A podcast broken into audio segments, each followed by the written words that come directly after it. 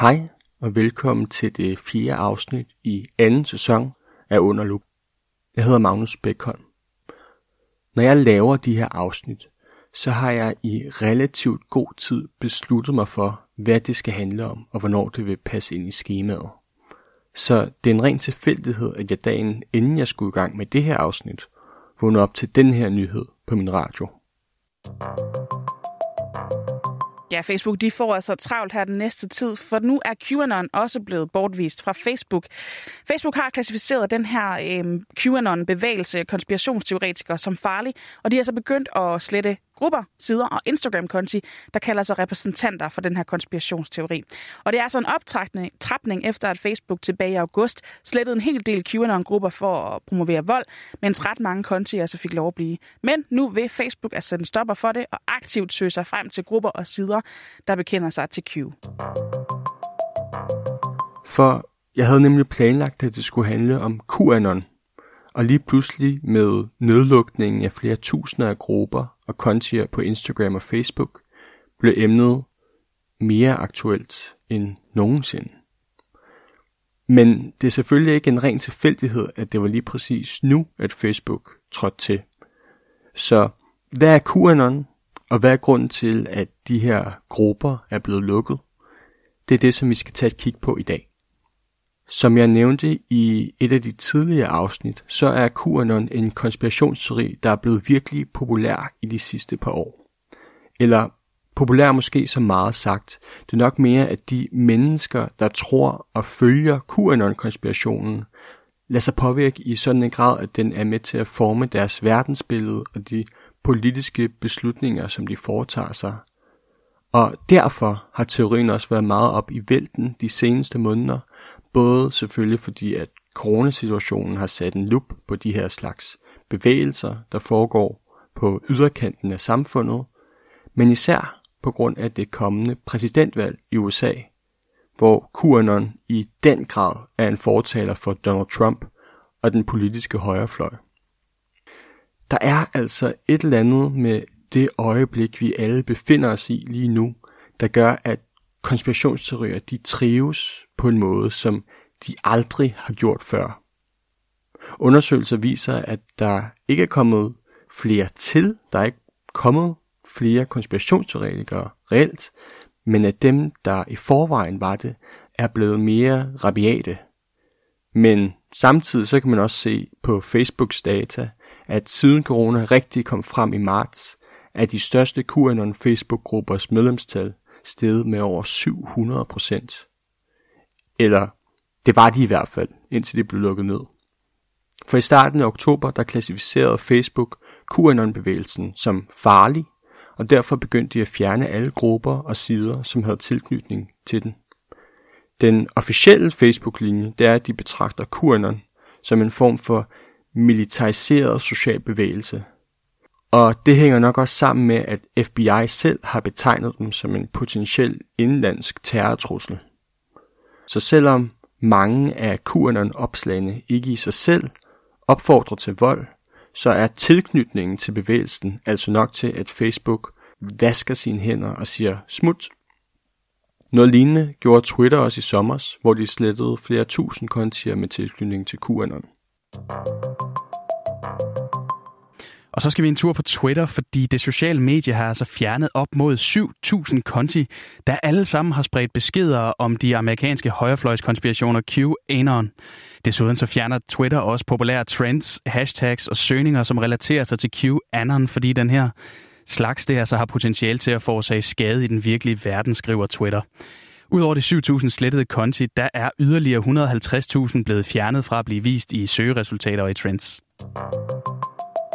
Men de her opgør fra de sociale mediers side får dem jo ikke til at stoppe.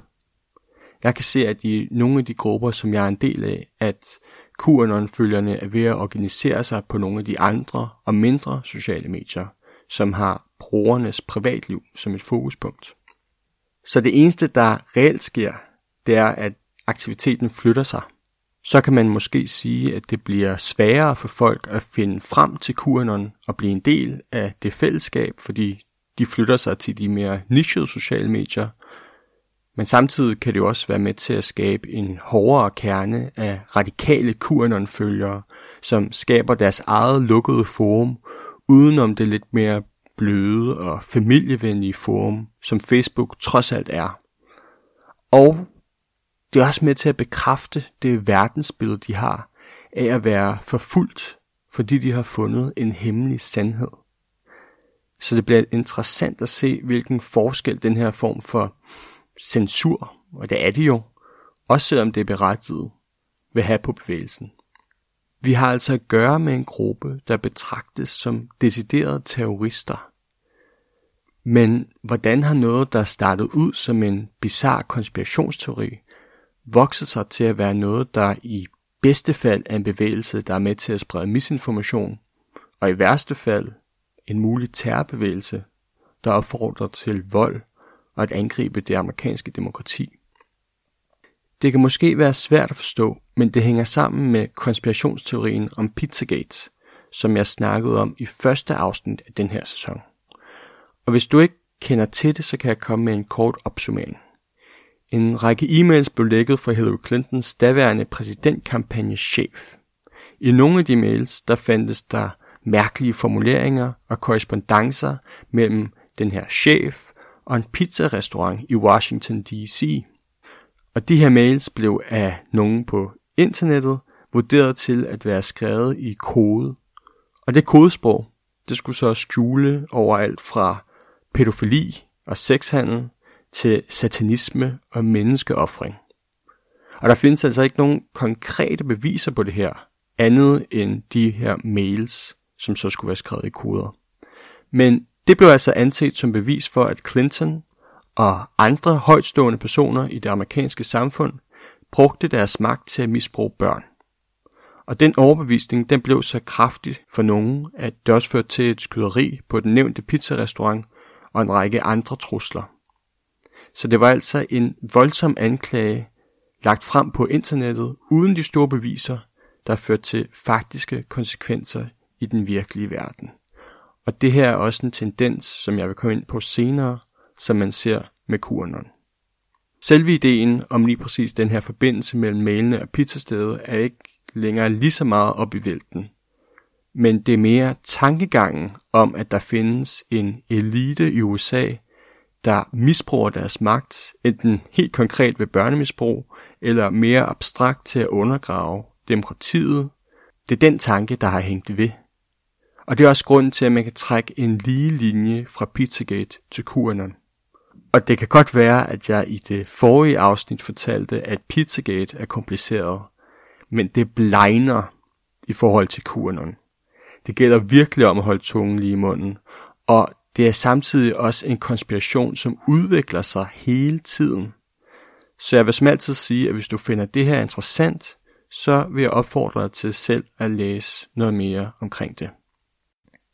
Starten på QAnon var i begyndelsen af oktober 2017, da præsident Donald Trump udtalte sig lidt mærkeligt til en gruppe journalister. What's for stormy? Could be the calm, the calm before the storm. What storm, Mr. President? You'll find out.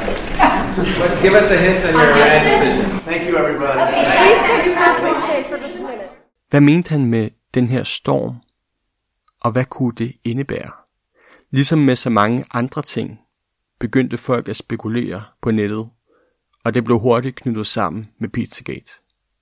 Det blev konkluderet, at The Storm selvfølgelig var kodesprog for en kommende masseanholdelse, hvor over 100.000 mennesker fra nogle af de mest magtfulde positioner i politik og underholdningsbranchen vil møde dommens dag.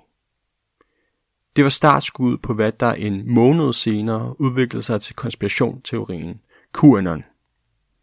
QAnon-teorien opstod første gang den 28. oktober 2017, da en bruger på hjemmesiden 4chan under overskriften Calm Before the Storm skrev, at Hillary Clinton ville blive arresteret om morgenen to dage senere, og underskrev den besked med bogstavet Q hvilket er en reference til et højtstående sikkerhedsgodkendelse i det amerikanske energiministerie.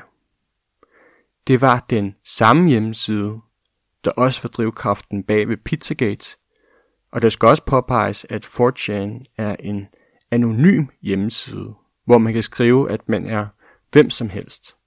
Så at den her person skulle være højtstående i den amerikanske stat, fandtes og findes der sådan set stadigvæk ikke nogen beviser på. Et par timer senere postede Q igen med et kodet sprog, hvor i der til synlande blev indikeret, at Hillary Clinton var blevet tilbageholdt, og samtidig refereret til milliardæren George Soros, en mand, som er en del af rigtig mange konspirationsteorier. Især dem omhandlende New World Order, altså en organisation, der styrer verdens gang i al hemmelighed. Så allerede helt fra starten af har vi fat i essensen af konspirationsteorien, og den bindes til mistroen, der er omkring Soros. Så det var startskuddet på QAnon, og det er sådan set også sådan, det stadig fungerer, hvor Q skriver de her beskeder, som bliver smidt ud anonymt på internettet. Følgerne kalder det fra brødkrummer eller Q-drops, hvor de så er op til dem at regne ud, hvad der menes med beskederne. Så udtalelserne de er ofte kryptiske og åbne for fortolkning. Men det, der også er interessant ved det her fænomen, det er, at QAnon er nemlig i lige så høj grad en form for politisk bevægelse, som det er en konspirationsteori. Fordi dem, der tror på Q, er også meget store tilhængere af Donald Trump, og mener, at han arbejder for at modarbejde alle de slemme ting, som de mener, at Pizzagate for eksempel bekræftede. Så en stor del af Q's syn på verden virker til at være baseret på Pizzagate, og at eliterne i det demokratiske parti er involveret i en hemmelig pædofili og sexhandelsring. Og han mener så, at Trump forsøger at afsløre den her ring. Så det er både en konspirationsteori, men det er også en eller anden form for magtfantasi omkring, hvor god og stærk Donald Trump er, hvor han nærmest bliver opløftet til en Jesusfigur. Så når Trump siger, Make America Great Again, så er det for følgerne også implicit, at det betyder, at han vil modarbejde de her mennesker, og at det er kernefokuset i hans præsidentskab. Så på den måde er QAnon-bevægelsen også et produkt af den politiske polarisering i USA, hvor man ikke bare siger, at demokraterne er ens politiske modstandere, men faktisk er forfærdelige og onde, morderiske mennesker, der tror landet. Derfor har den også fanget mange mennesker på den yderste højrefløj, der i forvejen måske ikke var konspiratoriske anlagte, men delte det her verdensbillede af den gode højrefløj mod den onde venstrefløj. Sarkus følgere er altså bundet af de skriverier, der foregår på nettet af en person, som udgiver sig for at være højtstående i det amerikanske energiministerie, men der er jo ikke nogen, der ved, hvem Q faktisk er. Nogle har spekuleret i, at det er Donald Trump selv, uden de store beviser selvfølgelig. En konspirationsteori i en konspirationsteori går på, at det er John F. Kennedy Jr., som er Q, og i så fald skulle have faked sin egen død i 1999. Med de mange udtalelser Q er kommet med i løbet af de sidste tre år, og den organisation, der til synlandet har været bag det, er der også nogen, der mener, at Q er en gruppe af folk. Men i bund og grund er det her rent gætværk. Og det kan lige så godt være en tilfældig person, der sidder nede i sin kælder og driver gæk. Og der findes faktisk også beviser for, at identiteten på Q er skiftet, da det digitale kodeord brugt ved beskederne har ændret sig flere gange. Men hvad er det så, som Q ligesom kan? Hvorfor har han så nogle trofaste følgere? Der er selvfølgelig ikke et enkelt svar på det, men jeg tror, det er fordi, at han giver dem håb. Q er udlevelsen af deres hævndrømme. Det er mennesker, som føler, at de er blevet trådt på af samfundet og det politiske system. Og det er mennesker, der mener, at det er det demokratiske parti, som er skyld i deres problemer. Så når Q går ud og siger, at nu vil Clinton blive anholdt, og at Trump han har styr på det hele, så føler de, at verden er på vej det rigtige sted hen, og at Trump er med til at beskytte dem. Og Q's følgere er fanatiske. Det tror jeg ikke rigtigt, man kan diskutere. De bliver jo ved med at hænge på hver eneste ord, selvom mange af forudsigelserne og anklagerne har været bevisløse og konsekvensløse. At CIA de skulle stå bag Kim Jong-un, at Angela Merkel er Adolf Hitlers barnebarn. Men det er også bevis på Q's styrke, for når de her ting fortolkes ud fra det kryptiske sprog i beskederne, kan Q jo retligt sige, at det er blevet misfortolket. Og samtidig så har Q også været ude at sige, at de også bruger desinformation strategisk. Og så er han jo ligesom dækket ind. Så kan han sige det ene og det andet, men han kan altid sige, at det var med vilje. Og den her geniale taktik, det betyder jo så også, at QAnon-teorien, den stikker ud i alle mulige forskellige retninger. Og det er ikke så meget en enkel konspirationsteori, men mere en paraply, som indeholder en masse andre konspirationsteorier. Q har indtil videre delt mere end 5.000 beskeder, og det vil være og det vil være umuligt at kunne komme ind på dem alle sammen i det her program. Hvis man vil dykke længere ned i det, kan jeg anbefale podcasten The QAnon Anonymous Podcast, der har produceret over 100 afsnit omhandlende konspirationen.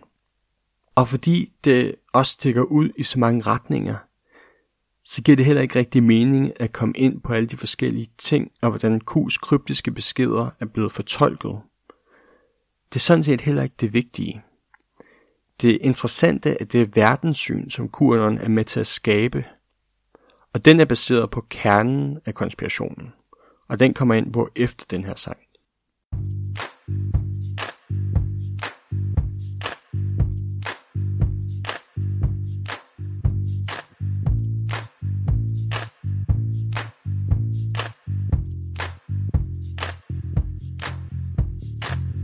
I was demanding to be oh so strong, but truth be told, I only want myself to tag along. Follow my shadow, loaded with guilt. See, what I didn't know is patching up only makes it grim. Have too much pleasure from illusions life. Seems I'd rather lose a friend than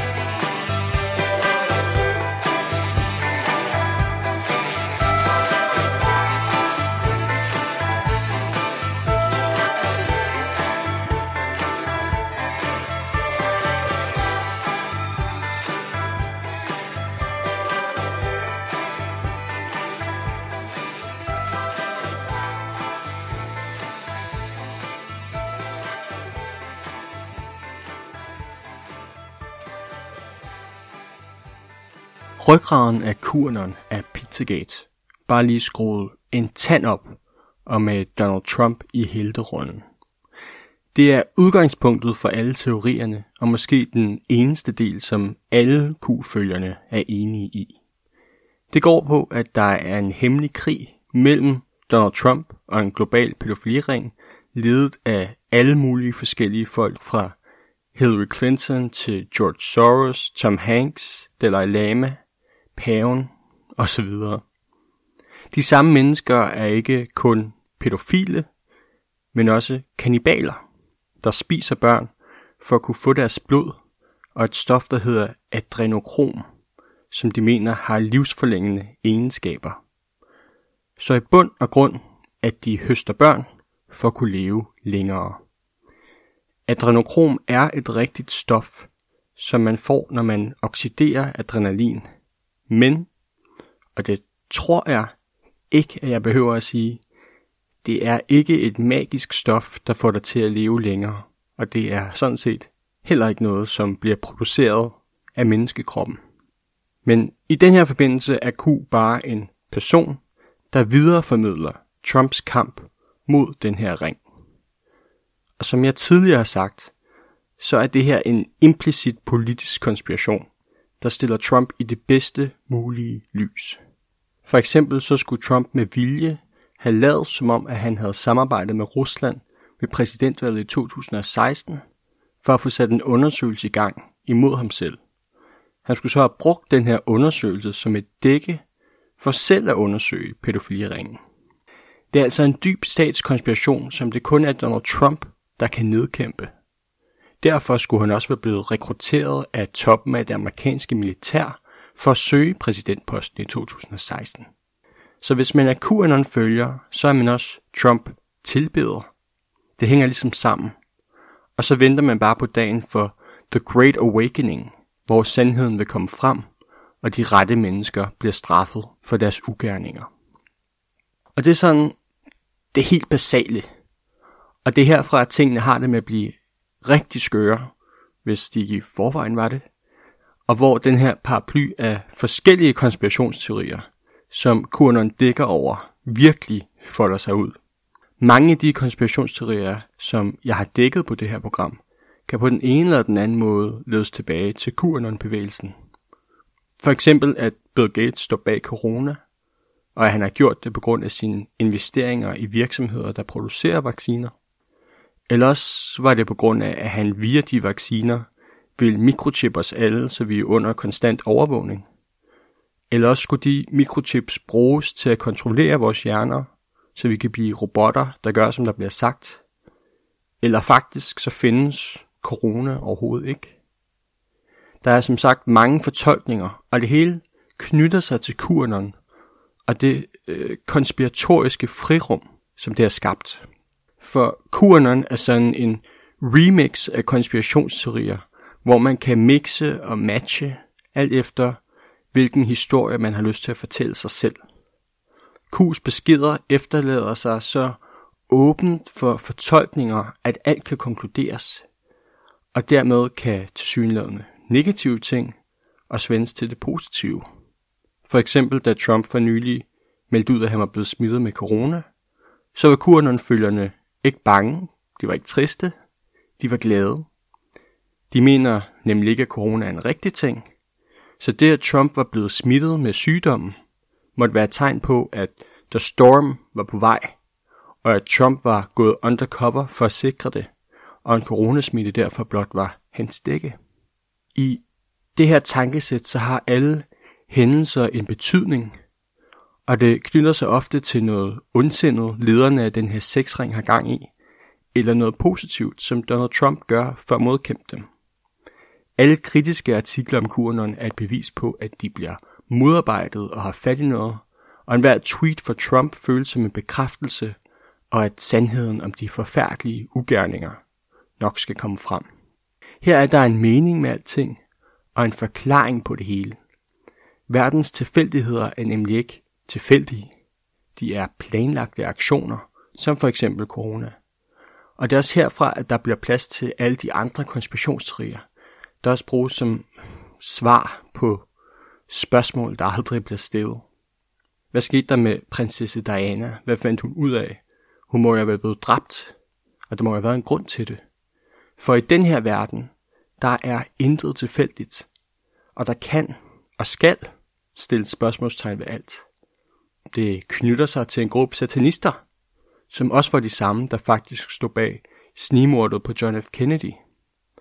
Der findes hele tiden den her røde tråd, og hele øh, verden bliver næsten anset som en fiktion, som en fortælling.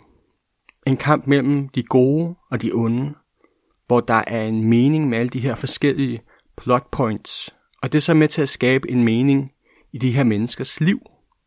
Og især i en coronatid, hvor alting virker så usikkert, så giver det tryghed at vide, at der er en grund til det hele, og at det faktisk er noget, som kan løses. Men det, der er det virkelig interessante ved QAnon, er sådan set ikke selve konspirationsteorien. Det interessante er, hvordan konspirationen har formået at mobilisere folk, både til at tro på ting, der virker ulogiske og usandsynlige, men også til faktisk at handle på deres tro. De fleste konspirationsteorier forbliver jo nemlig ofte i det teoretiske, skrevne på internettet eller i diskussioner. Men der er et eller andet ved QAnon, der får folk til at agere og reagere på den trussel, de mener, de står overfor. Jeg kan ikke komme i tanke om andre konspirationsteorier, der har den magt. Og det er også derfor, at nogle af dem, der arbejder med at undersøge QAnon, de beskriver det som en form for religion eller kult. Og det kan man også se på, hvordan QAnon-følgerne betragter Q's beskeder som en form for hellig skrift, hvor åbenbaringen kommer fra Q, og de så bare skal forsøge at tolke det rigtigt. Q kommer så at sige med bud til sine følgere, som de ud fra deres tolkning så skal handle på. Som Torben Sangil skriver i sin fremragende artikel på Zetland om QAnon, så er Q profeten, Trump er messias, følgerne er apostle, der videregiver budskabet, og The Storm eller Great Awakening, det er dommedag. Og det er også den måde, hvorpå man skal betragte QAnon. Man kan ikke bruge de normale konspirationsteoretiske værktøjer til rigtigt at beskrive den. Og den her tætte tilknytning til QAnon, som følgerne får, og som dermed også ender med at forme deres liv og verdensforståelse, er nok også grund til, at QAnon ikke længere bare bliver betragtet som en ondsindet konspirationsteori. For hvad er det særlige problem med QAnon i forhold til så mange andre konspirationsteorier, der gør, at de skal fjernes fra de sociale medier, og at FBI anser de troende som en terrortrussel? Det bunder formentlig i, at QAnons følgere har vist en foruroligende tilbøjelighed for at ty til vold, for at forsvare eller bevisliggøre Q's udtalelser. Ligesom Pizzagate førte til angreb på pizzastedet, hvor det hele skulle have foregået, og hvor det var et mirakel, at ingen kom til skade, er der flere eksempler på, at QAnon-teorien manifesterer sig i det virkelige liv og er med til at påvirke, hvordan folk agerer. Og der findes faktisk decideret eksempel på folk, der har planlagt voldelige hændelser eller decideret dræbt som en følge af deres tro på QAnon. I juni 2018 kørte en mand ud på vejen i Nevada, hvor han blokerede trafikken. Samtidig stod han med et skilt, hvorpå han befalede, at nogle specifikke rapporter skulle udgives. De rapporter var faktisk blevet udgivet dagen før, men en besked fra Q påstod, at de var blevet redigeret kraftigt, og at de faktisk skulle have indeholdt afsløringer om onde aktører inden for staten, som de offentliggjorte rapporter ikke gjorde. Manden nægtede at flytte sig efter at blive påbudt det af politiet og kørte væk fra dem. De var nødt til at bruge sømmotter for at stoppe hans bil, og efter han overgav sig, fandt de to geværer, to håndvåben og fandt over 900 patroner i bilen.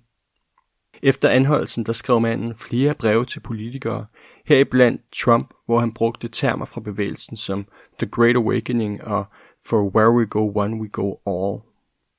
Her skete der selvfølgelig ikke noget voldeligt, Men tankerne flyver, når en mand har så meget ammunition på sig, og hvad det kunne have endt med. Et mere voldeligt, tragisk eksempel kom i marts 2019, da lederen af den store Gambino mafiafamilie, Frank Cali, blev myrdet i New York af en 24-årig mand.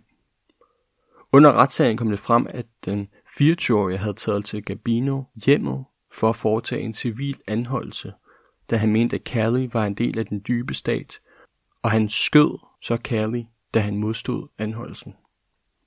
I retten skrev den 24-årige et stort Q på sin hånd, og hans advokat fortalte retten, at den 24-årige mente, at han var Donald Trumps udvalgte selvtægtsmand.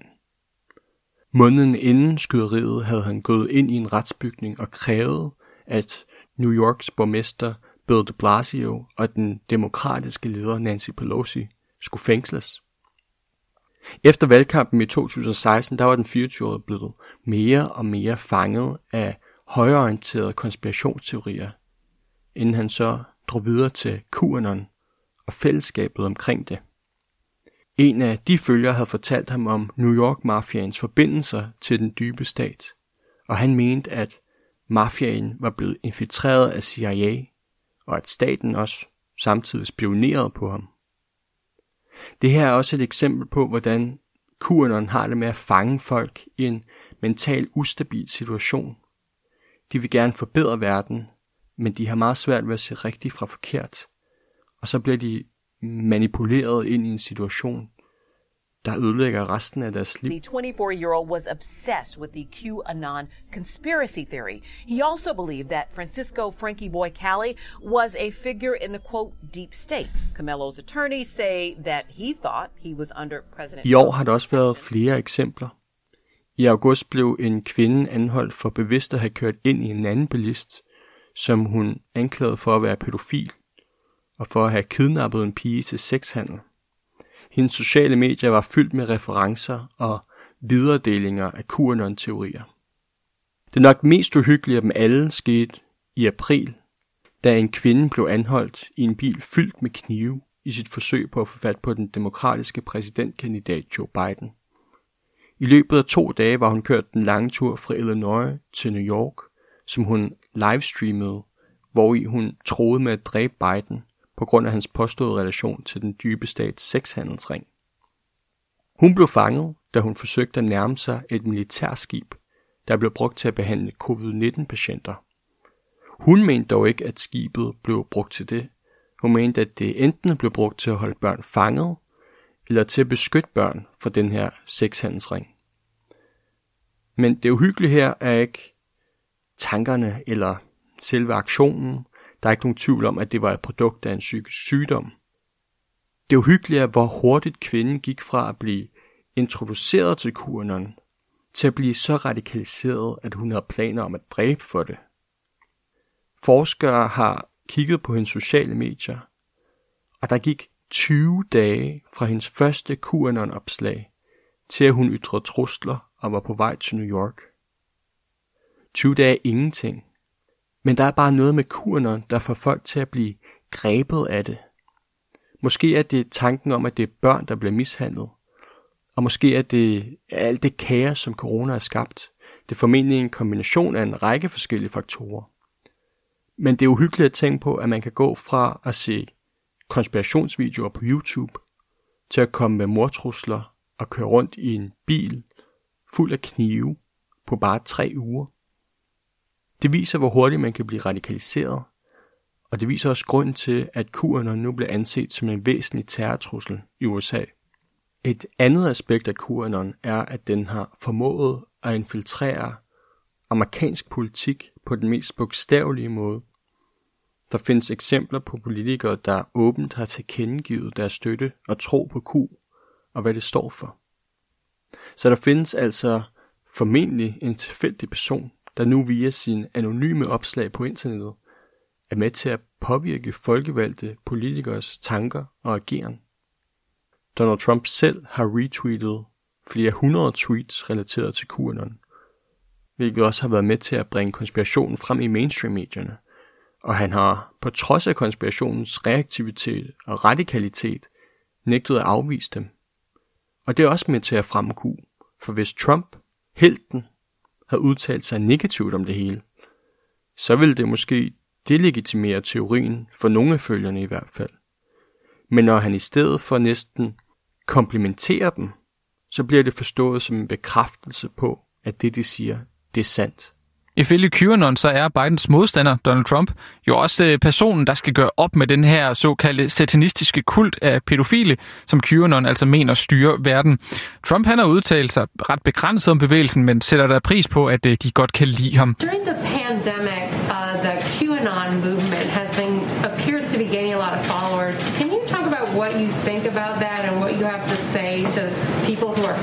this movement right now? Well, I don't know much about the movement other than I understand they like me very much, uh, which I appreciate. Last year, the FBI labeled the movement a potential domestic terror threat. I've heard these are people that love our country and they just don't like seeing it.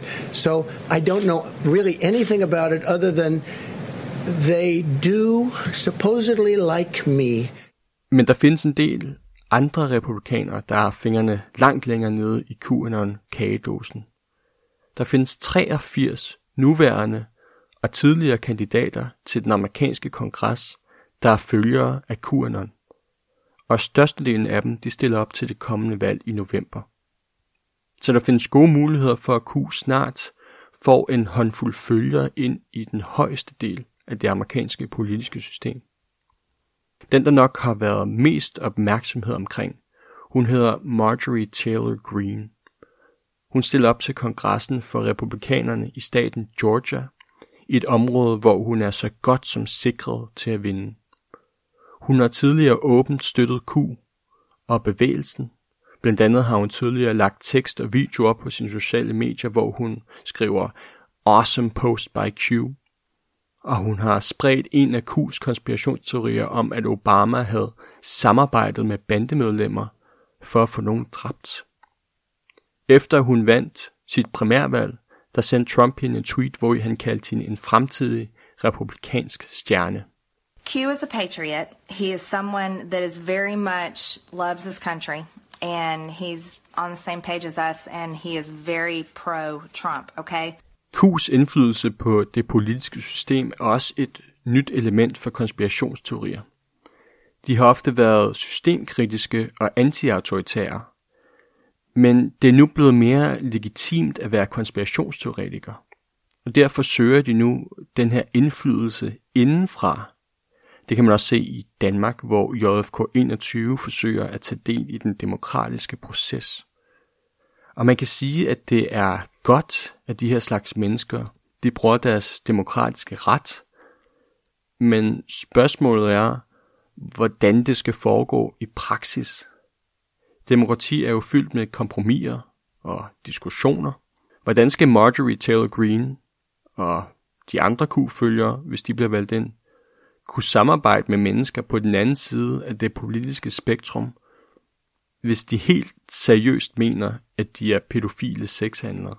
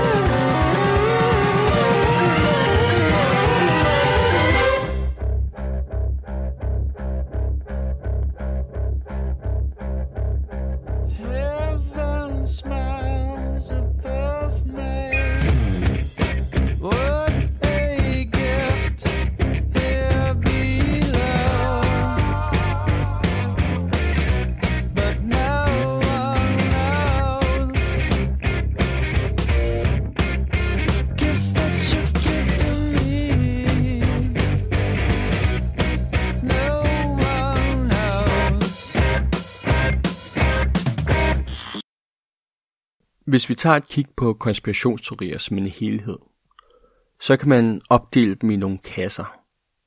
Vi kan så placere de kasser på en pyramide, der stables nedefra fra det lidt ligegyldige og så op til det problematiske.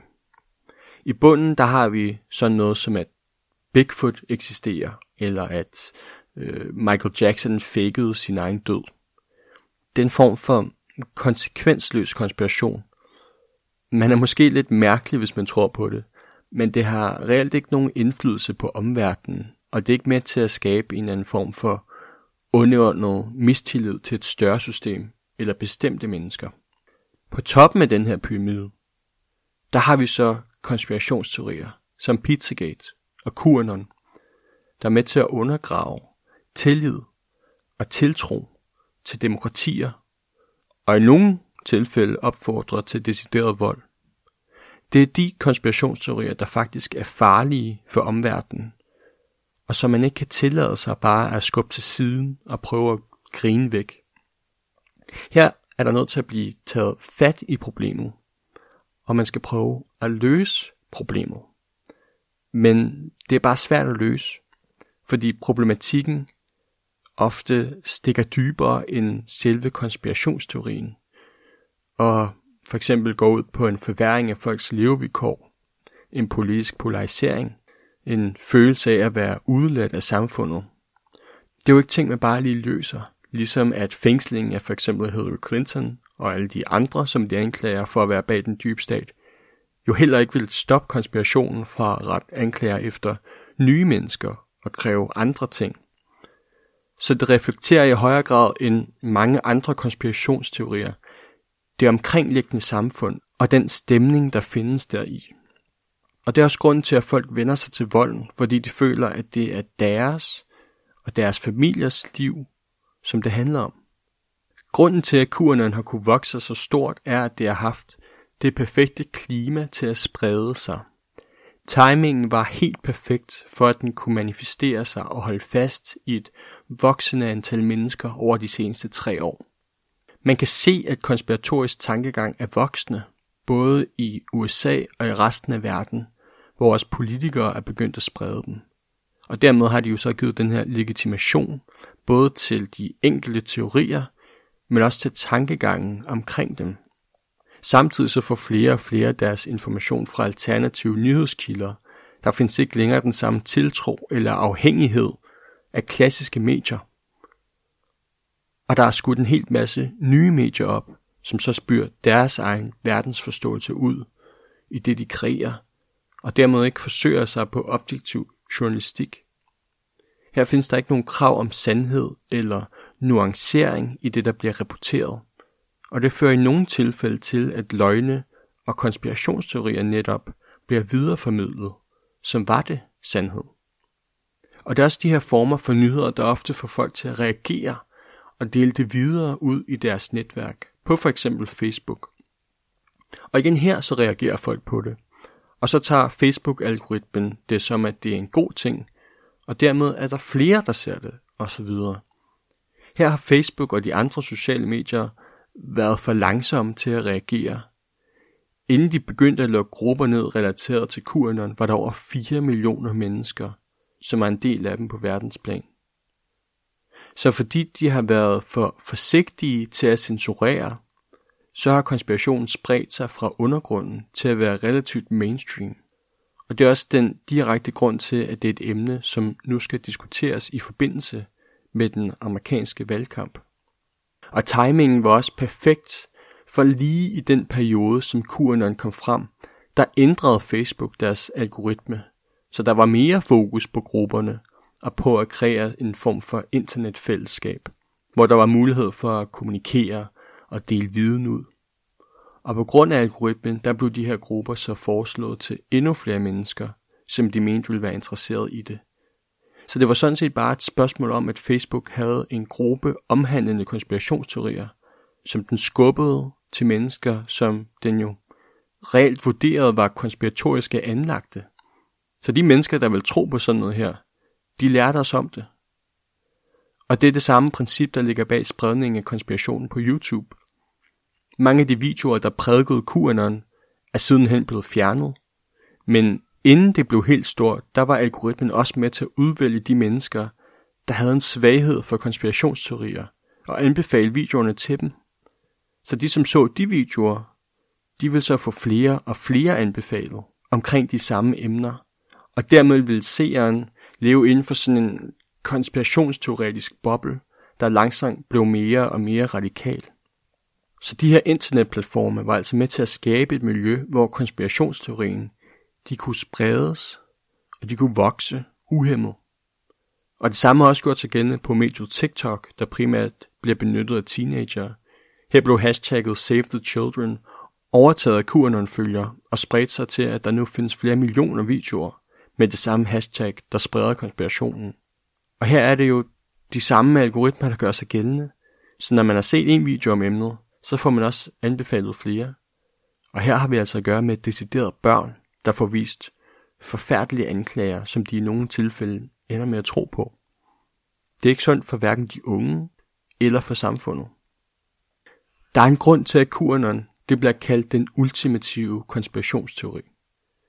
Den, eller dem, der står bag den, har nemlig skabt de bedste rammer, i de bedste rammer, for at få den op at køre. Via internettet, der har den organisk kunne vokse større indtil for nylig, og nu er den blevet så stor, at den får opmærksomhed i de traditionelle medier, så den skal nok leve videre og vokse større på grund af det. Samtidig så betyder de her kryptiske beskeder, som Q benytter sig af, at man kan få så mange forskellige folk ind, der kan fortolke det, som de vil, så de kan hele tiden glide af på anklager, eller sige, at de fejlede med vilje. Q har udnyttet en politisk polarisering og en demonisering til at skabe en følelse af et fællesskab mod en fælles fjende. Og samtidig har de med det her fællesskab skabt en form for social kapital, hvor følgerne føler, at de er en del af noget større, og de har fundet en plads i verden. Med coronavirusen og den øgede usikkerhed har endnu flere forsøgt at finde svar, og de har fundet Q som løsning på deres problemer. Så QAnon er symbolet på noget meget større end en konspirationsteori. Det er en bevægelse, som får mere og mere magt. Det er grund til, at vi ser den have direkte indblanding i amerikansk politik. Jeg er meget spændt på, hvordan det her kommer til at udvikle sig til november, hvis Donald Trump ikke genvinder sit præsidentembede. Hvordan kommer det til at passe ind i deres verdensforståelse, hvis helten mister sine superkræfter? Hvis det er de onde, der måske ender med at vinde? Vil de forsøge at undergrave det amerikanske demokrati? Vil de ty til vold? Eller vil de blive ved med at gå via den demokratiske proces og søge at ændre tingene indenfra? Det er ikke til at sige, men det bliver i hvert fald interessant at se. Og om mindre end en måned, der får vi de første svar.